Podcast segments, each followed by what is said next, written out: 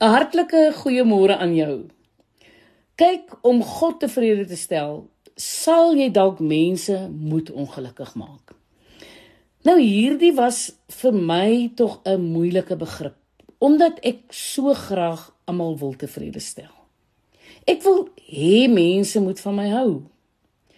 Nou wanneer jy jou hart volg, gaan jy egter sekere mense ongelukkig maak. Hulle sal dalk nie begrip hê vir jou optrede nie. Jy jy mag ook dalk al guns verloor. Jy mag selfs vriende verloor.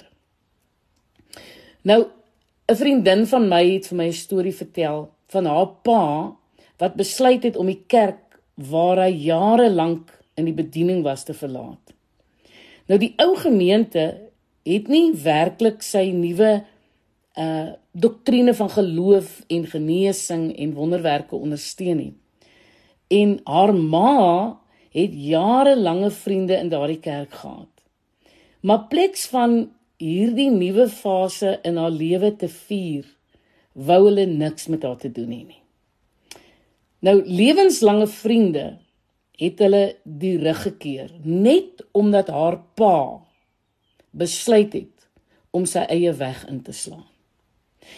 Nou kyk, ek hou nogal van wat Jesus in Lukas 18:29 en 30 gesê het. Dit verseker ek julle. Daar is niemand wat ter wille van die koninkryk van God afgesien het van huis of vrou of broers of ouers of kinders nie of hy ontvang in hierdie tyd al baie keer soveel terug. Ek wil moet oplet dat die vers nie sê jy moet eers in die hemel kom voordat die Here jou sal seën nie. Dit sê as jy ter wille van God van alles afsien, sal hy jou in hierdie tyd hier op aarde meer vergoed as wat jy ooit jouself sal kan voorstel. Nou haar ma het al haar vriende verloor. Hulle het haar nie meer goedgekeur nie. Maar kan ek vir jou sê dat God 'n getroue God is? Haar ma het baie nuwe vriende leer ken, selfs meer as wat sy haar ooit sou kon indink. Haar ouers kon versigtig gewees het in daardie kerk gebly en vasgehou het aan daardie vriende se goedkeuring. Hulle sou op daardie boot kon bly voortvaar, maar God het gevra dat hulle op 'n ander boot moes oorklim. Nou vroeër of later gaan God jou vra om die boot te verlaat. Dit sal makliker wees as al jou vriende en jou familie jou aanmoedig om dit te doen, nê? Nee. Maar in die meeste gevalle sal jou vriende jou aanraai om te bly net waar jy is. Nou sommige het 'n ultimatum aan haar ouers gestel. As julle bly, ondersteun ons julle. As julle gaan, verwerp ons julle. Net daar het haar ouers die apostel Paulus se raad gevolg: soek soek jy dan nou die guns van die mense of die guns van God? Of probeer jy om mense te behaag? As ek nog mense behaag, dan sou ek nie 'n dienskneg van Christus wees nie, soos hy Galasiërs 1:10. God sal jou nooit in die steek laat nie. Moenie afgeskrik word deur die moontlikheid dat mense jou mag verlaat nie.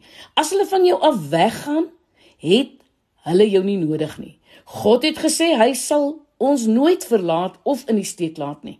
As hulle jou verlaat wanneer jy hulle werklik nodig het, sou dit beteken dat God jou in die steek laat? Nee, verseker nie. Ons weet dat God nie kan lieg nie, man. Dus kan jy tot hierdie slotsom kom: As hulle my verlaat, was hulle nooit deel van my bestemming nie. As hulle nie my vriende wil wees nie, het ek hulle nie nodig nie. As ek nie hul goedkeuring wegdra nie, Maak dit glad nie saak nie. Ek dra God se goedkeuring weg. Soms mag mense wat dit goed bedoel jou probeer terughou. Jesus het Petrus vertel dat hy Jerusalem toe gaan. Petrus het gesê: "Nee, nee, jy gaan nie soontoe nie, Jesus, dit is te gevaarlik. Jy gaan hier bly by my." Petrus het Jesus liefgehad. Dit is dis baie gevaarlik. Jy gaan hier bly by my. Maar Petrus het Jesus liefgehad. Hy was bekommerd oor hom maar hy het nie Jesus se roeping begryp nie. Ander mense kan dalk nie verstaan wat God in jou hart geplaas het nie. Jy hoef hulle nie te verstoot nie, maar jy moet sterk wees en jou roeping volg met of sonder hulle toestemming. Ek is Lenet Beer vir Radio Kansel.